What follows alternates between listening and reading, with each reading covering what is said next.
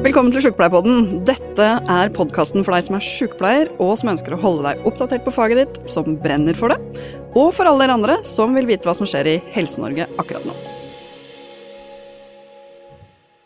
Hjertelig velkommen til en ny episode av Sjukepleierpodden, og nå er det faktisk episode 38. Ganske bra. Du skal ikke ha applaus? Jo, applaus. Hør nå. Nei, nei, nei, vent litt. Igjen. En til. Der. Det nye pod podkaststudiet vårt vi kan ha litt sånne artige lyder innimellom. Vi er såpass barnslige at vi syns det var gøy. Det er kjempegøy. Episode 38, applaus. uh, ja. Eh, men vi eh, skal jo som vanlig, da, eh, bli litt klokere i løpet av denne nesten den timen, og har fått med oss en gjest. Hjertelig velkommen, Gina. Tusen takk. Takk for at jeg ble invitert til podkasten. Ja, så kult at du kunne. Vi har hatt på blokka en stund at vi ville lage en episode om eh, helsesenteret, som du representerer. Helsesenteret for papirløse. Ja. Mm. Mm -hmm. Og så har det blitt Du vet, så går tiden, Mm. eh, men vi er veldig glad for at eh, vi får det til nå. Mhm. Kan ikke du helt eh, kort fortelle om hva Helsesenteret for papirløse er for noe? Ja. Helsesenteret for papirløse er jo eh, et eh, helsesenter eh, som er rettet mot målgruppen av papirløse. Og det er rett og slett mennesker i Norge som ikke har lovlig opphold. Det kan være mange årsaker til det. men disse har ikke tilgang til primærhelsetjenester og svært begrenset tilgang til spesialisthelsetjenesten. Og derfor så har vi da et slags primærhelsetjenestetilbud hos oss for denne målgruppen. Mm. Vet du hvor mange, mm, hvor mange er det i Norge som er papirløse? Det er et veldig godt eh, spørsmål. Mm. Veldig lite forskning på det. Mm. Um, så det er vel litt sånn antagelser. Uh, ulike rapporter har antatt mellom 11 og 20 eller 5 og 15, altså Mm. eh, ganske usikkert. Ja, så det er, det er jo en forholdsvis liten gruppe, men allikevel, liksom si det er uh, 15 000 mennesker da, som ikke har Når du er på Pilus, så har du jo ikke rett til arbeid, ikke rett til helsetjenester, ikke en del av folketrygden, Helt ikke rett til skole. riktig. Det siste eh, har de faktisk. Barna har rett til skole. Barn. Barn har rett til skole. Mm. Ja. Vet vi noe om hvor mange barn det gjelder? da? Godt spørsmål. Eh, nei, vi vet egentlig ikke helt. Så vi har eh, veldig lyst til å finne litt mer ut av det. Så vi har et prosjekt som skal forhåpentligvis begynne i løpet av året, som skal se litt mer på barna, da. Mm. Visste du det, Lill, at det var så mange mennesker i Norge som ikke har rettigheter? Nei, jeg visste ikke Unnskyld, jeg visste ikke hvor mange det var, og det er jo som du Mm. sier, jeg har ikke noe oversikt over det heller. Men det her er jo noe vi har diskutert i, i um, NSF og i Mm. forbundsledelsen, for det er klart at når du er opptatt av helsetjenester, så er du opptatt av helsetjenester for alle. Mm. Eh, Uavhengig av hvem du er, eller hvor du kommer fra som sykepleier og lege som du, Gina. Og så Mm. er det noe grunnleggende i utdanninga vår. Mm. Hvem er det som finansierer det helsesenteret her? Eh, Helsesenter for papirløse eh, driftes av Røde Kors og Kirkens Bymisjon i samarbeid. Og vi har et senter i Oslo, og så er det også et senter i Bergen da, som er tilsvarende. Mm. Men eh, øvrige steder i Norge så er det ingenting. Nei, ikke sant. Og det har jo ikke vært så lenge heller, uh, dette helsesenteret. Jeg har vært frivillig der en gang, vi skal Ja. snakke mer om å være Ja. frivillig etter hvert. Men Ja. jeg husker jo diskusjonen. Den var jo voldsom i begynnelsen, når Mm. helsesenteret kom, ikke sant. Dere har jo hemmelig adresse, Mm. og det var litt sånn eh, stor politisk oppmerksomhet også Mm. rundt at man skulle tilby helsetjenester til denne gruppa mennesker. Hvorfor det? Ja, Godt spørsmål. Da må jeg stille et spørsmål tilbake til deg. Når var det du var frivillig? Var det litt sånn i starten, eller? Ja, eh, 12, Ikke 13 sant? Ja. For helsesenteret eh, startet jo i 2009, Mm. etter at eh, Røde Kors og Kirkens Bymisjon hadde gjort en kartlegging eh, av eh, tilstanden til denne eh, gruppen i, i Norge, da.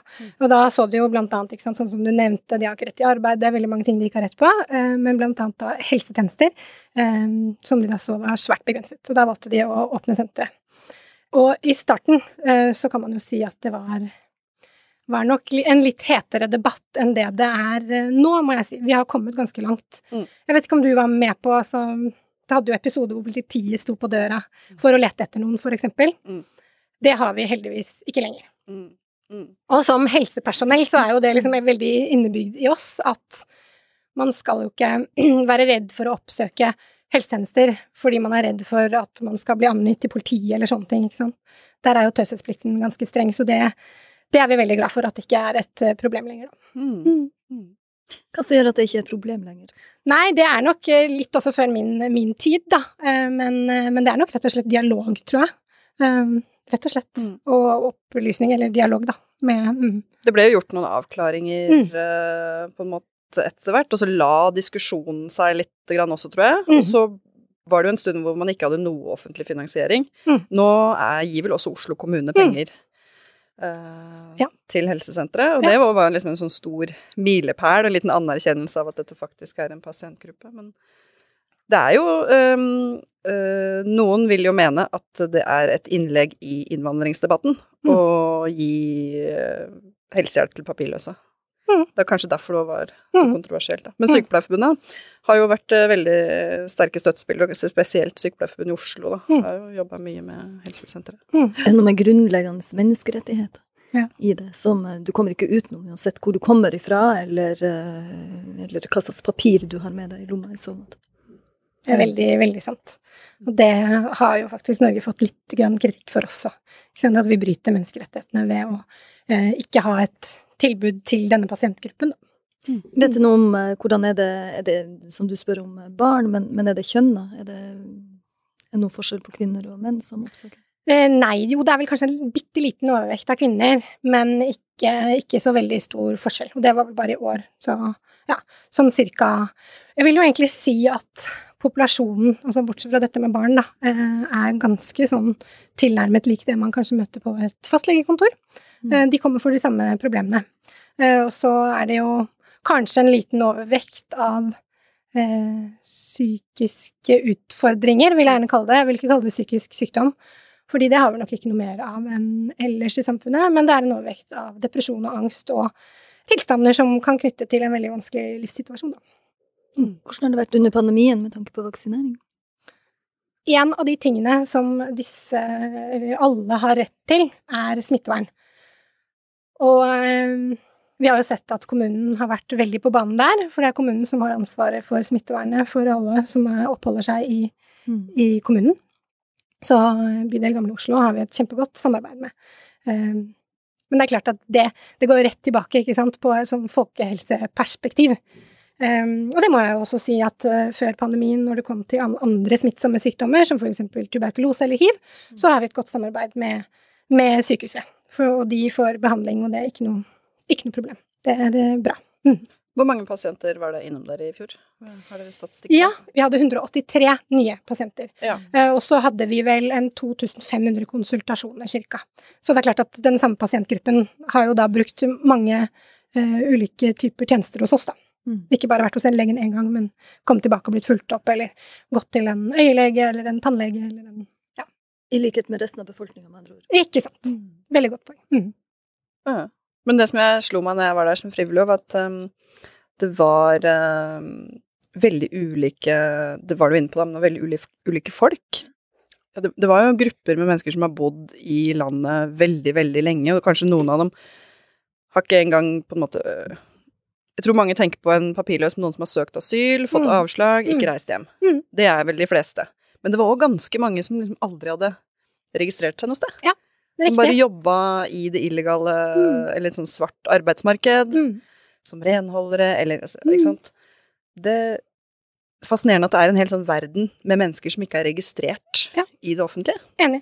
Mm. Og det må man jo også trekke frem at uh, noen av disse gruppene, eller uh, noen av disse menneskene som er i den gruppen, jo, har jo f.eks. vært utsatt for menneskehandel. Mm. Uh, så de har jo kommet via noe som egentlig ikke liksom skal, skal skje, da. Ja. Mm. Og du blir jo utrolig sårbar også mm. for å bli utnytta, da. Mm. Idet du ikke liksom Ingen skal vite om deg. Nei. Absolutt. Mm. Og det er jo et kjempestort problem. Jeg vil også trekke frem, du snakka om de som har fått avslag på asylsaken sin. Um, en annen gruppe som også er hos oss, det er jo de som har fått avslag på asylsaken sin, men er ureturnerbare. Mm.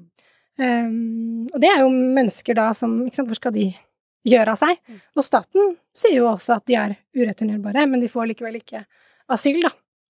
Nei. Hva, hvor mm. bor de? Nei, det er jo egentlig det samme som alle, alle i vår gruppe. Um, de er jo veldig avhengige av andre mennesker. Mm. De er avhengige av å kanskje sove på sofaen hos en venn, eller på gata er det noen som sover. Det er jo også ulike typer sånn lavterskeltilbud eh, i Oslo. For eksempel akuttovernattingen, der er det jo mange som også eh, oppholder seg, da. Men det er klart at da må du jo komme hver dag og stå i kø og Mm. få, få en seng, da. Men hvis du Fordi alle har jo rett på helsehjelp i Norge. Sjøl om du ikke har lovlig opphold, hvis du, liksom, hvis du skjer noe akutt med deg, mm. så har du rett på helsehjelp. Mm. Og så er det vel sånn at du har rett på nødvendig helsehjelp også. Mm. Men hvem definerer hva er nødvendig helsehjelp? Som, eh, liksom, som lege, da, hva ville du definert som Nei. Kanskje du er et dårlig eksempel, siden du jobber på helsesenteret, men Nei, eh, det er et kjempegodt poeng du kommer med, fordi at eh, paragrafen og loven eh, gir jo egentlig ganske mange rettigheter, blant annet at barn har tilgang til fastlege, eh, står det i loven. Det står dette som du nevner, ikke sant, men, men eh, det er lite spesifikt, så det er veldig åpent for tolkning. Eh, og det er jo noe av problemet, for det gjør at det blir kjempetilfeldig hvem som får hjelp, og hvem som ikke, eller får tilgang til spesialisthelsetjenesten, da, og ikke. Um, for da er det jo opp til den som sitter og leser henvisningen på et sykehus eh, nær deg, som, mm. som da skal avgjøre, ok, ut ifra et skriv som har kommet fra en av legene hos oss. Da. mm. Og det er jo kjempevanskelig å vite. vite. Og det er også den, den paragraf nummer to der, sånn som du nevnte, eh, eller del, del to der, den er, jo, den er jo fin, men det er jo kjempevanskelig. Altså, det har blitt vurdert til å si sånn eh, nødvendig helsehjelp som blir akutt innen tre uker. Mm.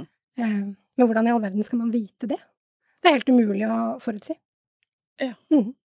Det står også i loven at de har rett på en vurdering i spesialisthelsetjenesten. Men får de det?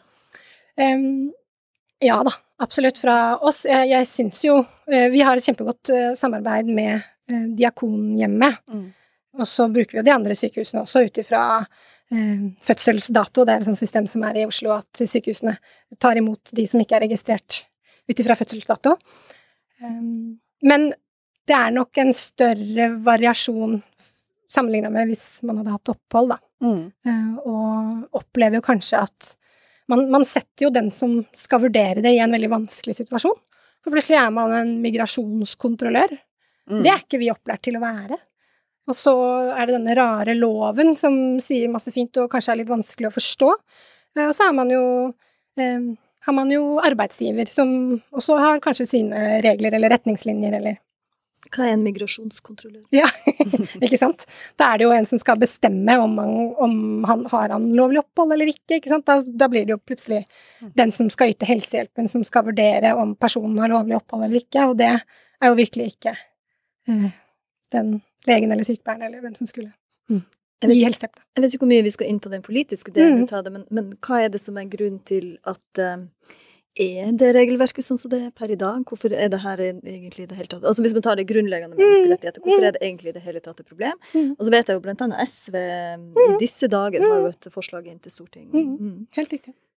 Du, må, du må si hele setningen ut det forslaget Ja, men jeg tenkte, for jeg husker Ja, det ikke. Nei. Om du kan si noen ting om det. Jeg bare så det i forbifarten at SV har et uh, forslag inn til Stortinget om uh, helsehjelp til, uh, til papirløse. Mm. Det um, er vel litt sånn som ble nevnt her i sted, ikke sant, at man kanskje Kanskje ikke det mest sexy temaet å gå til valg på, for eksempel. Em, så opplever man jo Vi har jo hatt eh, litt ulike partier på besøk på helsesenteret. Mm. Vi jobber jo aktivt med de ulike partiene, nå må man jo starte litt på nytt, nå med ny regjering. Men um, det vi egentlig opplever, er jo at det er ganske lite Det er ganske få som vet om dette. Mm. Ikke sant? Eh, Det er vel kanskje det største problemet. At det er veldig langt fra eh, virkeligheten til den gjengse nordmann, da. Mm. Og når vi da får fortalt litt om hvordan vi jobber, og hva som liksom er eh, ståa, da, så, så blir ganske mange veldig, veldig overraska, rett og slett. Mm. Um, så er det vel bare Ja, må man jo kanskje ta stilling til noe, og så var det kanskje litt sånn som du nevnte i sted, ikke sant, at det er litt sånne tanker rundt hva om det er åpent for alle? Da vil jo hele verden komme til verdens beste helsetjeneste. Mm. Um, det er for øvrig en påstand som ikke egentlig har noe forskningsbasert grunnlag for å si det, da. Mm. Det er ikke noe forskning som sier at, at tilgang på helsetjenester er en såkalt pull-effekt, altså at noen drar aktivt til et annet land på grunn av det. Det er ganske mange årsaker før det på lista, da, blant annet for eksempel trygghet. Mm. Men uh, igjen, det er veldig lite forskning på det. så det er, jo, det er, jo, litt av problemet, da. Hva er grunnen til det? Hvorfor vet vi så lite om mm. den gruppa her med mennesker? Mm. Det Veldig godt spørsmål. Hvem skal ta den ballen? Mm. Det vi har en del samarbeid, så det er, det er litt mer pågående forskning nå enn det det mm. kanskje har vært, men allikevel på et sånn verdens, ver, verdensperspektiv, da, så vet vi ikke så veldig mye om akkurat det. Vi har jo sett også i andre land som har et ganske mye bedre tilbud enn det vi har, eh, så er det liksom ingenting som skulle tilsi at de har fått et sånn rush av mennesker som vil komme til landet, da. Nei. Mm. Det, det, som er litt øh, øh, Altså for øh, sykepleiere og leger, mm. også andre profesjoner selvfølgelig innenfor helse, så har man liksom et sånn et, et etisk regelverk mm. som du er innom, og så har du selvfølgelig menneskerettighetene, og så For de fleste så tror jeg det strider ganske mye mot det du er opplært til, å skulle nekte noen tilgang på helsetjenester. Mm. Men det er jo en del pasienter pasienter på helsesenteret som har forsøkt å få eh, hjelp i det offentlige, men som ikke får det, eller som får veldig store regninger. Mm. Uh, og, og, du har jo ikke så mye penger. De fleste av dem, vil jeg tro, ikke Nei. har veldig mye penger. Nei. Hva slags politisk endring måtte man fått på plass for at Hvis du kan svare på det, jeg vet ikke, dette er mm. jo Det blir jo politisk, som du sier, da, og det er jo man jo livredd for å gå inn i den debatten mm. der ofte, men hva slags politisk endring måtte vært på plass da, for at man for at ikke de veldig få menneskene som det tross alt er, skulle stått i den situasjonen? Mm. Det er et kjempegodt spørsmål, fordi videre i lov, lovverket, som vi snakket om i sted, hvor det står hva, hva de har rett på, mm. Eh, så står det også om finansieringsordning, og det er det vi er inne på her nå. Og det er litt av problemet, fordi det står jo at eh, pasienten i hovedsak skal betale selv. Og det er det som du sier, det er, de, det, er ingen av de som har råd til det. Nei. Du sa nesten ingen, men det tør jeg påstå at det er ingen av de som har råd til det. Fordi uh, helsetjenester i Norge er fryktelig dyrt. Ja men, men, ja, men, for det vet jo ikke vi, for vi får det jo bare Men si du går på sykehuset og mm. føder et barn, da. Ja. Hvor mye, hva, hva, hva koster det, det kan liksom? være en regning på rundt 100 000. Ja. Mm, 90 000. Mm. Og det er jo for så vidt de tallene vi kan kjenne igjen. Og når vi snakker om amerikansk helsetjeneste, mm. og den redselen vi har for et privatisert mm. helsetjeneste, det å ivareta det sterke offentlige helsetjenesten mm. som vi har i Norge, det er jo nettopp fordi at vi betaler jo den skatten som vi gjør, og vi, mm. vi merker ikke det på samme måten. Og da slipper du at du kommer på et sykehus med tre avsagde fingre, og mm. du velger på hvordan av de to eller tre vil du putte på, for du har ikke råd til ut ifra forsikringa de dekker kun det her. Og det er jo liksom sånne helt sære historier vi kan høre fra USA, mm. som vi tar for gitt i Norge. Men mm. det er klart at når du kommer på en sånn her måte, så blir det mm. plutselig noe helt andre summer. Mm. Det gjør det. Uh, og uh, det er jo på en måte litt frustrerende også, fordi at loven sier jo ok, hvis den pasienten eller personen ikke kan betale, så er det den som yter helsetjenesten, som skal betale. Mm. Og når det kommer til spesialisthelsetjenesten i Norge, så er jo det i uh, alle, for alle formål staten, ikke sant? Mm. Men eh, måten vi er organisert på, så er det jo det enkelte helseforetaket eller det enkelte sykehusets budsjett. Jeg tror det er der liksom problemet litt ligger, at det går utover ganske mange ting når det, når det kommer til det økonomiske for det ene sykehuset, da. Og at det er noen lagd noen interne regler som kanskje ikke helt stemmer overens med loven, da. Men eh, når sant skal sies, så, så sier vi jo til alle pasientene våre at du kommer mest sannsynlig til å Vi forbereder det, ikke sant. Mm. Du kommer mest sannsynlig til å få en regning, eller bli bedt om å betale. Be om en faktura. Kom hit med den til oss. Så er det en av våre medarbeidere som sitter og ringer til sykehuset, da. Og da blir de aller fleste fakturaene stort sett slettet. Mm. Mm. Med mindre pasienten har betalt. Da er det helt umulig å på en måte få tilbake de pengene. Ja. Tenker du det er mørketall for hvem er det som tar kontakt med, med helsesenteret her òg, for, for, for papirløse? Mm er det en mistillit? Altså det, det, som du sier, en migrasjonskontroll, mm. men, men, også det med den historien der du kunne bli um, Altså der politiet kunne komme på døren. Mm. Mm. Har dere, noe, dere, har kanskje ikke noe tall på det heller, men Nei. har en har noen, vi, vi, har en følelse. En, følelse, en hunch. en hunch, ikke sant. Eh, absolutt. Og i starten så var det nok mye mer av det. Men nå opplever vi veldig stor tillit til helsesenteret. Eh, og ordet på gata liksom det, det, sprer seg, og folk stoler på oss. Um, det har vi jo sett for eksempel sant, i pandemien, hvor stor ressurs helsesenteret faktisk har vært for å få tak i denne gruppa, da, for å få, få tilbudt vaksiner, Mm. eh, for å tilby testing og karantene. Eh, og alt det måtte medføre da, til denne pasientgruppen. Det tør jeg påstå at hadde vært veldig vanskelig å få tak i hvis ikke Men du sa det var i, eh, i Oslo, og så Mm. var det en plass? Mm. Hvor det var? Bergen. Bergen, ja. Mm. Og det er jo eh, Jeg tror mørketallene ligger ellers i landet, da. Mm. Men vi får jo ukentlig, om ikke daglig, eh, telefoner fra pasienter som bor på steder eh, som ikke har tilgang til et helsesenter. Da, ikke sant? Og det bør jo ikke være så kjempelangt unna, bare Hamar eller Lillehammer eller eh, Sandefjord. Så er det kjempevanskelig å komme seg til helsesenteret. Det er mange årsaker til det, men de er jo også for eksempel redd for å ta kollektivtrafikk. Da. Hva hvis det er kontroll? Hva gjør du da? Mm. Så skal du vise legitimasjon. Det har du kanskje ikke, eller du har ikke lyst til å vise legitimasjonen din. Du har jo mest sannsynlig kanskje ikke et sted å bo, ikke sant? og du har i hvert fall ikke de eh, pengene det koster med den boten, da. Mm. Vet du noe om hvordan det gjøres i andre land? Som, altså Skandinavia, men, Mm. men også Europa ellers? Mm. Det er eh, litt forskjellig. forskjellige. Um, Sverige har blant annet et eh, bedre tilbud enn oss. Der har de tilgang til denne vårdsentralen. Eh, de er jo organisert på en helt annerledes måte enn oss når det kommer til primærhelsetjenesten, da. Eh, Danmark er det ganske likt eh, som oss, eh, bortsett fra at det er nok enda mer sånn motvilje blant eh, politikerne, må man vel kalle det, ikke sant, og de har hatt politiet på døra og ja, litt, litt mer sånne tilstander. I Belgia har de vel full tilgang, tror jeg. Mm. Så det er litt, eh, litt forskjellig. Men vi er, nok, vi er nok ikke unike, men vi har jo blitt pekt på av FN fordi vi kanskje har så mye ressurser. Jeg vet ikke. Mm.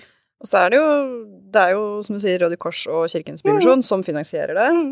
Og du sier at vi har et godt samarbeid med var det Diakonhjemmet. Mm. Så det er jo, det er jo de frivillige organisasjonene Mm. som kanskje har et verdigrunnlag som Mm. gjør at de ser at dette er viktig. Det er Mm. ikke det var ikke Oslo universitetssykehus du sa du hadde det gode samarbeid med. Jeg sier ikke at det er dårlig, men det er bare noe med at hvorfor, har ikke, hvorfor er ikke helsesenteret f.eks. finansiert da, av, over statsbudsjettet? Eh, eller at det er et tilbud i flere byer enn bare Oslo og Bergen, hvor eh, Mm. Kirkens Bymisjon klarer å opprette tilbudet. Det er jo et lite paradoks, kan du si. Da, ikke sant? Du nevnte i sted Oslo kommune, som har eh, Nå har de vel liksom Finansierer de ganske store deler av vår drift, da. Så svaret er vel at vi heller liksom litt sånn indirekte eh, får støtte, da. Mm. Mm. Men vi er ikke en av de organisasjonene direkte på eh, frivillig organisasjonslista som får tilskudd. Det er vi jo ikke. Men eh, ja. Og nå finnes vi jo, på en måte. Så nå haster det kanskje ikke med å ta en avgjørelse, jeg vet ikke. Men samtidig så kan vi jo ikke legge ned. Vi har 5300 pasienter som har vært innom oss siden 2009. Mm. Eh, og som sagt så bruker jo de ikke bare én gang, eh, men uten oss, ikke sant. Så ja, vi, vi finansierer også medisiner til de pasientene som trenger medisiner, og det er snakk om livsnødvendige medisiner. Mm. Um, kan være eh, insulin til noen som har diabetes, eller Ja, vi har jo noen for eksempel som går i dialyse, altså har alvorlig nyresvikt og er avhengig av å få, få kunstig rensa ut eh, slagstoffene i blodet. Mm. Mm. Det er frivillighetens år Mm. i år. Fint. Bra du tok opp det. Da hadde jeg også tenkt å booste litt. Ja, bra. ja. Hva som gjorde at du um, valgte å gå inn i, inn i det her? da? Nei, det er jo egentlig litt et godt spørsmål. Det begynner å bli noen år siden. Um, men um, altså, da jeg egentlig ville bli frivillig i 2015, så var det ikke plass til meg. Uh, og det har vi jo liksom sett litt, at det har faktisk vært et ganske sånn populært uh, tilbud, hvis man skal si det sånn. Men tenker vel det er vel kanskje som andre, det andre frivillige, som du også var frivillig på helsesenteret. Eh, at man ønsker å bidra, da. Mm. Og bruke fritida si så det er i hvert fall den mest fornuftige måten jeg har brukt min fritid da jeg var frivillig. Nå jobber jeg der 100% så det er liksom Ja. Men eh, Hvor mange dere er noen som er ansatt på fulltid? Hvor mange er det? det er eh, 4,9 årsverk. Eh, og så er vi vel eh, ja, syv stykker eller noe sånt. Mm. Ja. Så det er noen deltidsstillinger, da. Og så Mm. har dere hvor mange frivillige? Som- Det er 180 frivillige. 180 frivillige. Mm. Heia 108 frivillige. Mm. Jeg blir så imponert over eh, alle som stiller opp. Mm. Altså, det er jo Jeg vet ikke om det er Norge, men, men det er jo i et det, det er noe innmari bra med Mm. den frivilligheten. Mm. Den, Det er derfor vi for så vidt blir litt provosert ut av dugnadsbegrepet også Mm. med pandemien. Ja. ikke sant? For her er det, for, for vår del og for sykepleiere, for Mm. helsetjenesten var det jo beinhard jobb, det er ikke Mm. dugnad som sådan. Og så skal man ikke ta bort den verdien ut av det å frivillig, det å gå inn og gjøre et arbeid som vi vet har betydning for, eh, Mm. for mange på frivillig basis. Så bruker du av fritida di, ikke Mm. den jobbtida, men Nei. fritida di på det. Det er et kjempegodt poeng. Helsetjenestene eller, som tilbys i denne nære gruppen, det baserer vi på frivillighet. Mm. Uh, Syns jo egentlig det er ganske, ganske Vet ikke, har ikke ord for det, egentlig. Spesielt overraskende. Det er jo noe, det, det var det, det mest fantastiske ved å være Mm, frivillig på helsesenteret, er jo selvfølgelig at du får gjøre en forskjell, Mm. men det å møte de andre folka Mm. som velger å Mm. bruke tida si Mm. på det der, fra alle helseprofesjonene, ikke sant? Mm. Eh, Med ulik erfaring. Noen er nyutdanna, noen har jobba i helsetjenesten i 40 år. Mm. Eh, og mange har kanskje jobba i internasjonale organisasjoner eller liksom brenner for uh, feltet. Da. Det ga meg så mye Mm. inspirasjon. Og tenke sånn, ok, vet du hva? Verden er ikke bare kjip. Nei. Fordi det finnes sånne bra folk, da. Mm. For trua på folk, rett og slett. Virkelig. Skal vi ikke gi dem en applaus? Jo, nå, vi gjør det. Det var, Nei, det var latter! Jeg har applaus. det var det du hadde i begynnelsen òg. Vi snakker om applaus, men det er latter. Nei. Virtuell applaus. Ja, Der, ja! Til alle de frivillige. Både hos oss og alle ellers, da. Ja. Jo, ja. Men, men det er veldig sant, og det tror jeg jo er ikke sant? Når man først har kommet inn i det og blitt en del av det, så tror jeg jo det er en av liksom, hovedgrunnene til at man ønsker å fortsette da, å bruke fritida, sånn sånn, sånn, sånn som du sa. Vi har jo noen frivillige ikke sant, som kanskje er på barn nummer tre, Mm. eh, men allikevel sier sånn Ja, men dette er min Hva kan jeg gjøre liksom som er bedre enn dette? Dette er eh, fritid for meg. Ja.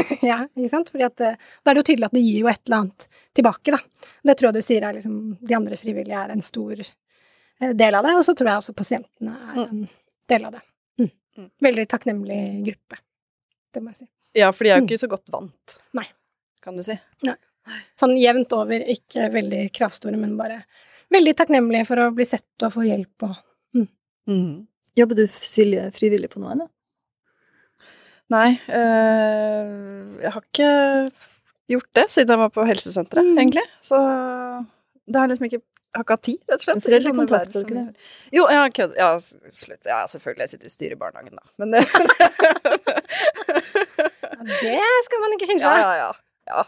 Ja, for jeg tenker også det, jeg satt og tenkte at hva har jeg vært frivillig på i de senere tid? Men det har liksom vært knytta til barnehage, skole Mm. og uh, idrett. Mm. I så måte det er jo viktig, det òg. Men Mm. det å gjøre denne type arbeid er jo Altså om leger og sykepleiere og annet helsepersonell, de kunne jo ha valgt å jobbe innenfor privat sektor, tjent ekstra penger, altså du Mm. kunne ha gjort hva som helst annet. Mm. Men man velger å prioritere tida si på en annen Mm. måte, og det er vakkert. Det er veldig fint. vakkert. Jeg er helt enig med deg i det. Og så må jeg også sende en stor takk til spesielt alle de som jobber. Altså vi har to åpningsdager, tirsdag kveld eh, og torsdag på dagtid. Mm. Um, og da De aller fleste som er der på dagtid, er pensjonerte. Mm. Uh, og det er altså så flott, og så mye kompetanse det ligger der, uh, som har vært gjennom et helt arbeidsliv. Um, eksperter på ulike ting, ikke sant. Uh, og så velger da å bruke tiden sin på å være frivillig hos oss og fortsette liksom med sitt virke, da.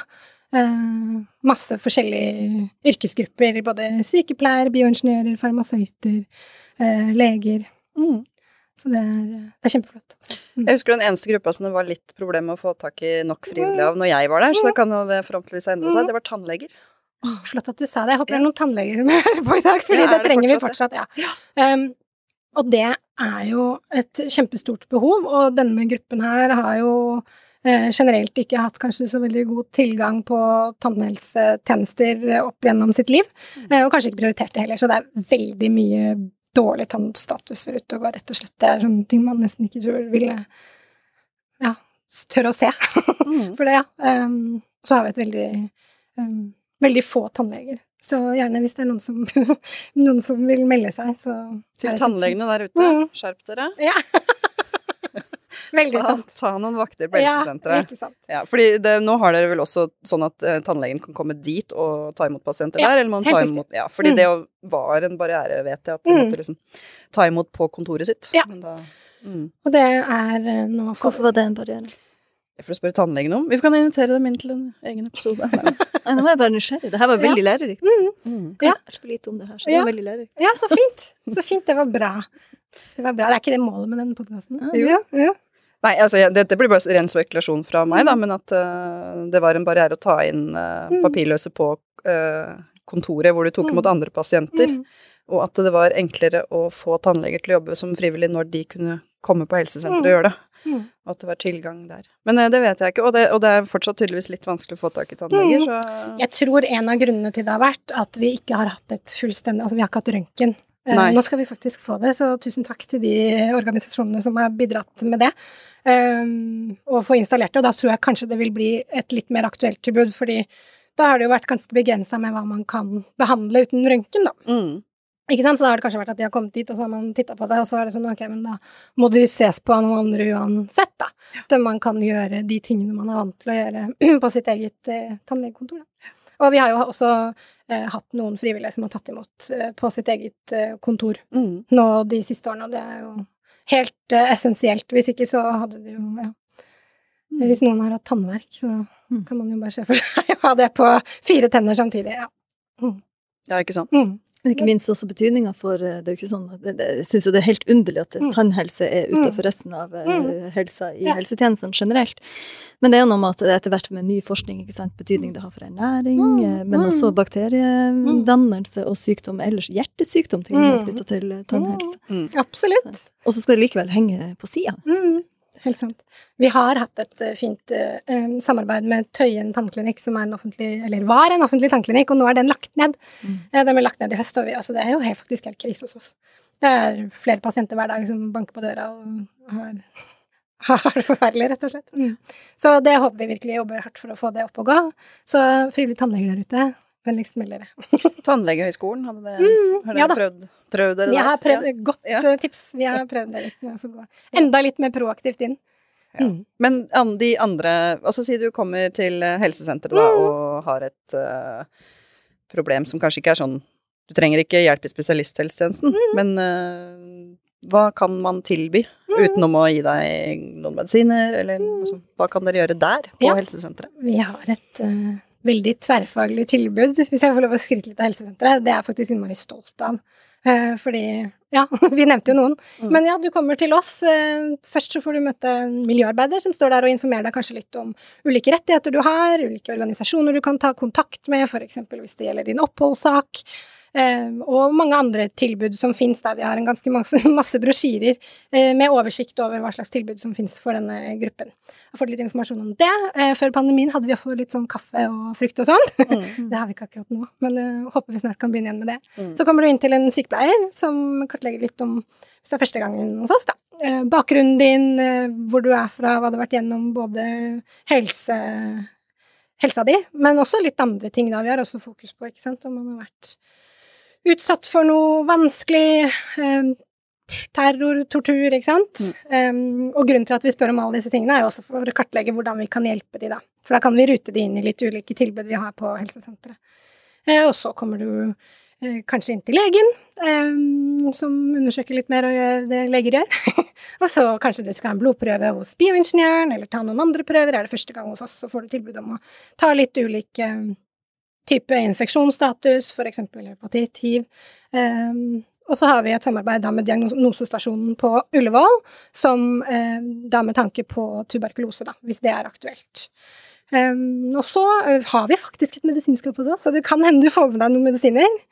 Um, og så eh, blir det å sette opp til andre ved behov, da. For eksempel tannlege, fysioterapeut. Vi har en diabetessykepleier, vi har en øyelege, vi har en uh, gynekolog, vi har jordmor. Uh, og nå håper jeg virkelig ikke jeg har glemt noen, for det ville vært litt flaut. Men vi har også altså, en ting som er kjempeviktig, det er jo tolk. Ja. ja. Uh, Det er en av de største utgiftene våre, da. Mm. Men sånn må det være. Og for å kunne gi gode helsetjenester, så, så må man ha det. Mm. Og selvfølgelig psykisk helse har vi. Både psykiatere, psykologer og psykiatriske sykepleiere. Mm. Mm. Veldig viktig. Kjempeviktig. Mm, mm. Fordi det er mange som øh, kanskje ikke kommer med det primært, men som sliter med psykisk uhelse. Absolutt. Og man ser jo også typ kroppslige plager som henger sammen med det, da. Mye muskelvondter, litt sånn forskjellige vandrende symptomer. Eh, litt sånn diffus, som de kanskje kommer til legen for Mm. mange ganger. Um, og det er jo en av Altså, jeg vil ikke si at det er en svakhet, men eh, vi er jo drifta sånn at det er jo ulike frivillige på vakt hver gang. Mm. Så hvis du kommer til disse drop-in-avtalene, så vil du jo nødvendigvis mest sannsynlig møte en ny lege. Ganske ofte, da. Og det, til denne pasientgruppen så er det en, eh, kjempeviktig med kontinuitet, da. Så på onsdager så har vi også noen frivillige som har litt mer sånn fastlegefunksjon. Det skal vi få opp og gå nå. Mm. Ja. Så de kan liksom følge opp den samme, se den samme legen litt flere ganger, da. Det tror jeg vil være en, eh, kjempeviktig for en gruppe av pasientene, mm. Kan du si noe mer om alderssammensetning, kjønn, hvor de kommer fra, eh, Mm. pasientene? Hvis dere, dere har sikkert noe statistikk på det. Ja, det Ja. har vi. Eh, kjønn snakka vi jo litt eh, grann om i stad. Kanskje en bitte liten overvekt av kvinner, men ikke sånn veldig noe å snakke veldig høyt om. Um, alder, der har vi jo egentlig hatt uh, det meste, skulle jeg til å si. Um, som sagt, veldig få barn. Men noen som er nede i sånn 17-18, kanskje litt sånn ja, på grensa akkurat til å gå over i voksenalderen, da. Selvfølgelig et par barn har jo vært innom, men det er liksom ikke den store gruppa. Eh, og opp til eh, så gammel du kan bli, skulle jeg til å si. Vi har et par pasienter som bor da eh, hjemme hos sitt barn, for eksempel, eh, sånn som nå er voksen, da. Eh, men hvor da liksom sønn eller datter må ta vare på en ganske pleietrengende og syk forelder. Mm. Eh, og det er jo ekstra trist, da. Mm. Det er mange eh, En del andre kulturelle faktorer som spiller inn da, når det kommer til det, ikke sant? som gjør at det kanskje er enda mer sånn eh, forventninger om å ta vare på dine foreldre, at de skal bo hjemme, at du skal stelle dem. Eh, og så er det kanskje ikke helt forenlig med for eksempel hvis du går på Nav i Norge da, ikke sant, og må møte opp på alle mulige kurs, eller prøve å søke jobb, eller møte opp på intervjuer, eh, og så har du kanskje en, en kjempesyk forelder hjemme som trenger døgnkontinuerlig overvåkning, da. Vi Mm. har noen sånne, hatt noen sånne saker opp igjennom, og det er kanskje litt ekstra utfordrende. Kan du si noe om um, Vi snakka litt om det i begynnelsen, men hva er det som gjør at uh, folk er papirløse? Vi snakka så vidt om det i begynnelsen.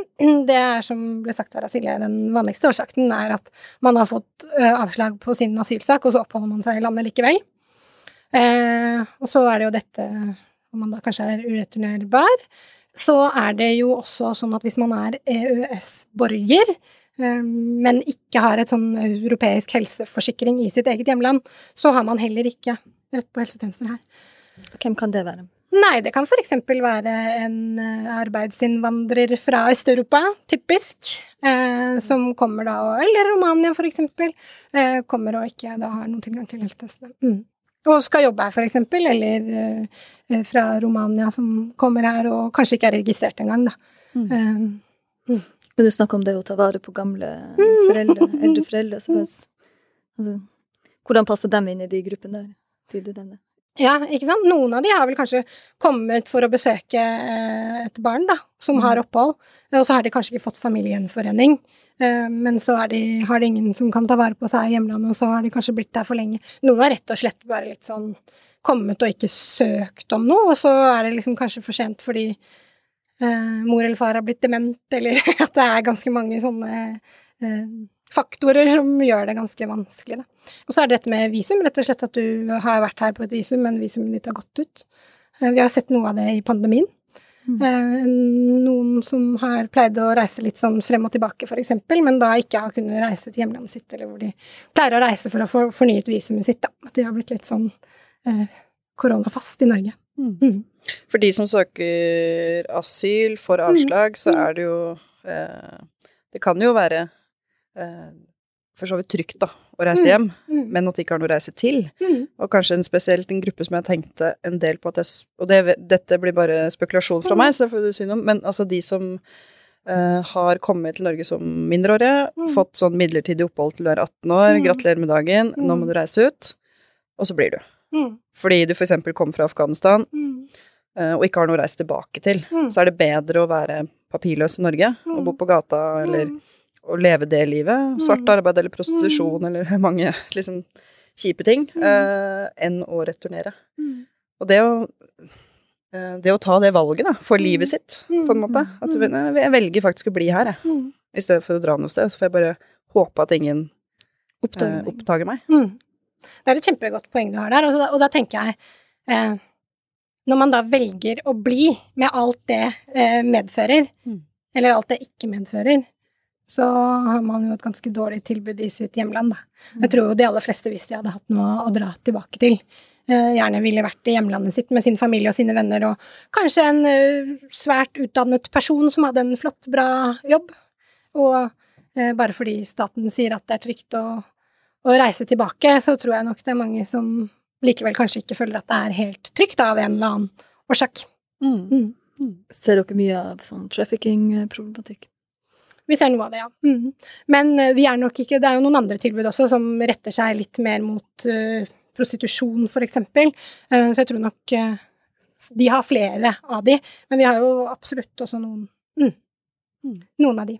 Og det er jo litt også derfor vi kartlegger litt når de kommer inn, da, og da kan vi jo tilby litt ulike ting, men det er klart at det Du nevner trafficking, det er jo en kjempevanskelig situasjon, og de lever jo i et sånn avhengighetsforhold og er kanskje redd for eh, Bygger jo litt på frykt, da. Mm.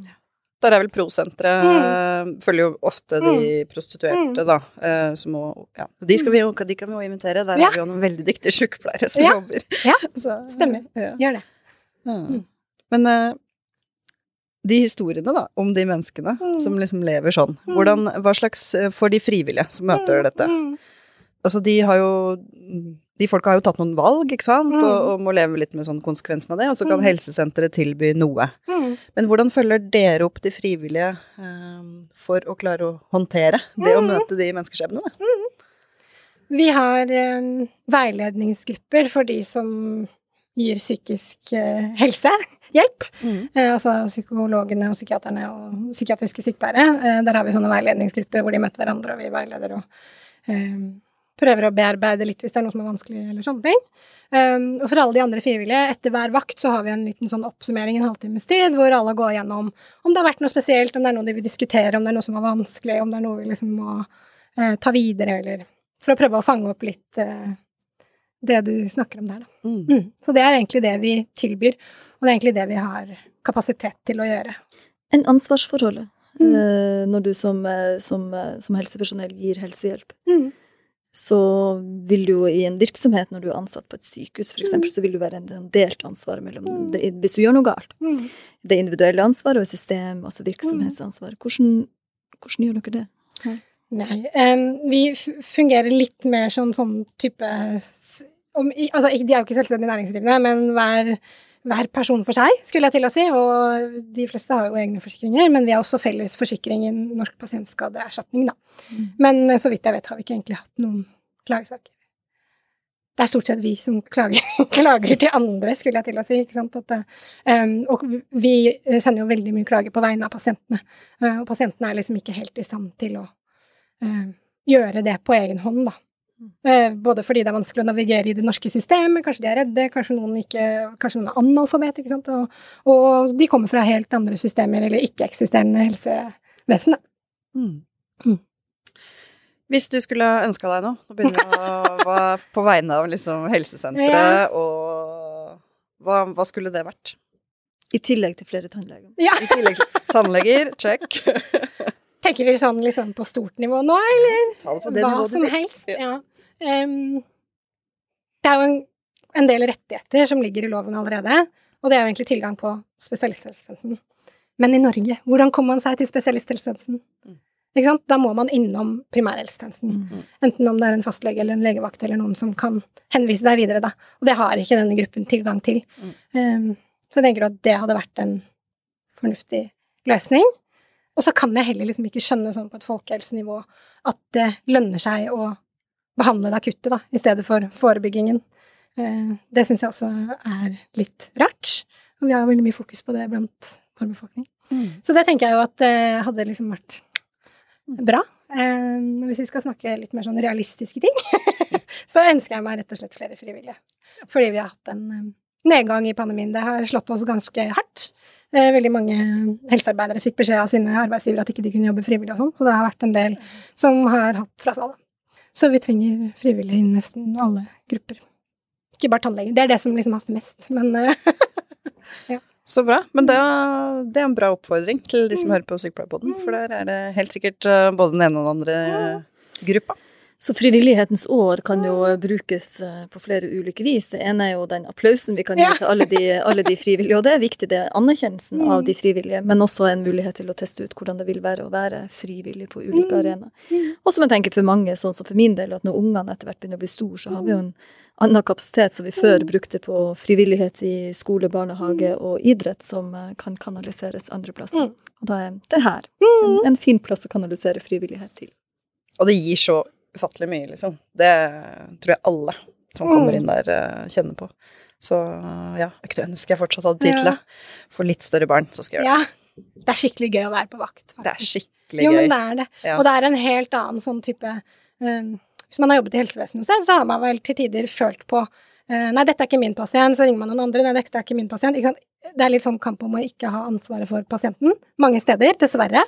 Og sikkert organisatoriske årsaker til at det er sånn. Mm. Men det har du ikke på helsesenteret. Her er det sånn Hvem kan hjelpe den pasienten når folk hopper frem? Virkelig. Ikke Det er sant? et kjempegodt uh, samarbeid via, med alle som er der. Ja, og helt fantastisk tverrfaglig samarbeid, som du sier. Og det er jo veldig få steder vi har Mm. en så stor tverrfaglighet som det Mm. dere har på helsesenteret. Det er jo et, egentlig et eksempel til etterfølgelse for andre For, plasser. for kommunene. eller? Ja. Men um, hvis du da sitter med en eh, frivillighetsspire i magen og tenker at ja, men det her har jeg lyst til, når du hører på podkasten her, hvor de skal henvende seg, De kan sende en mail til meg, for eksempel. som er gina.bovim at bymisjon.no.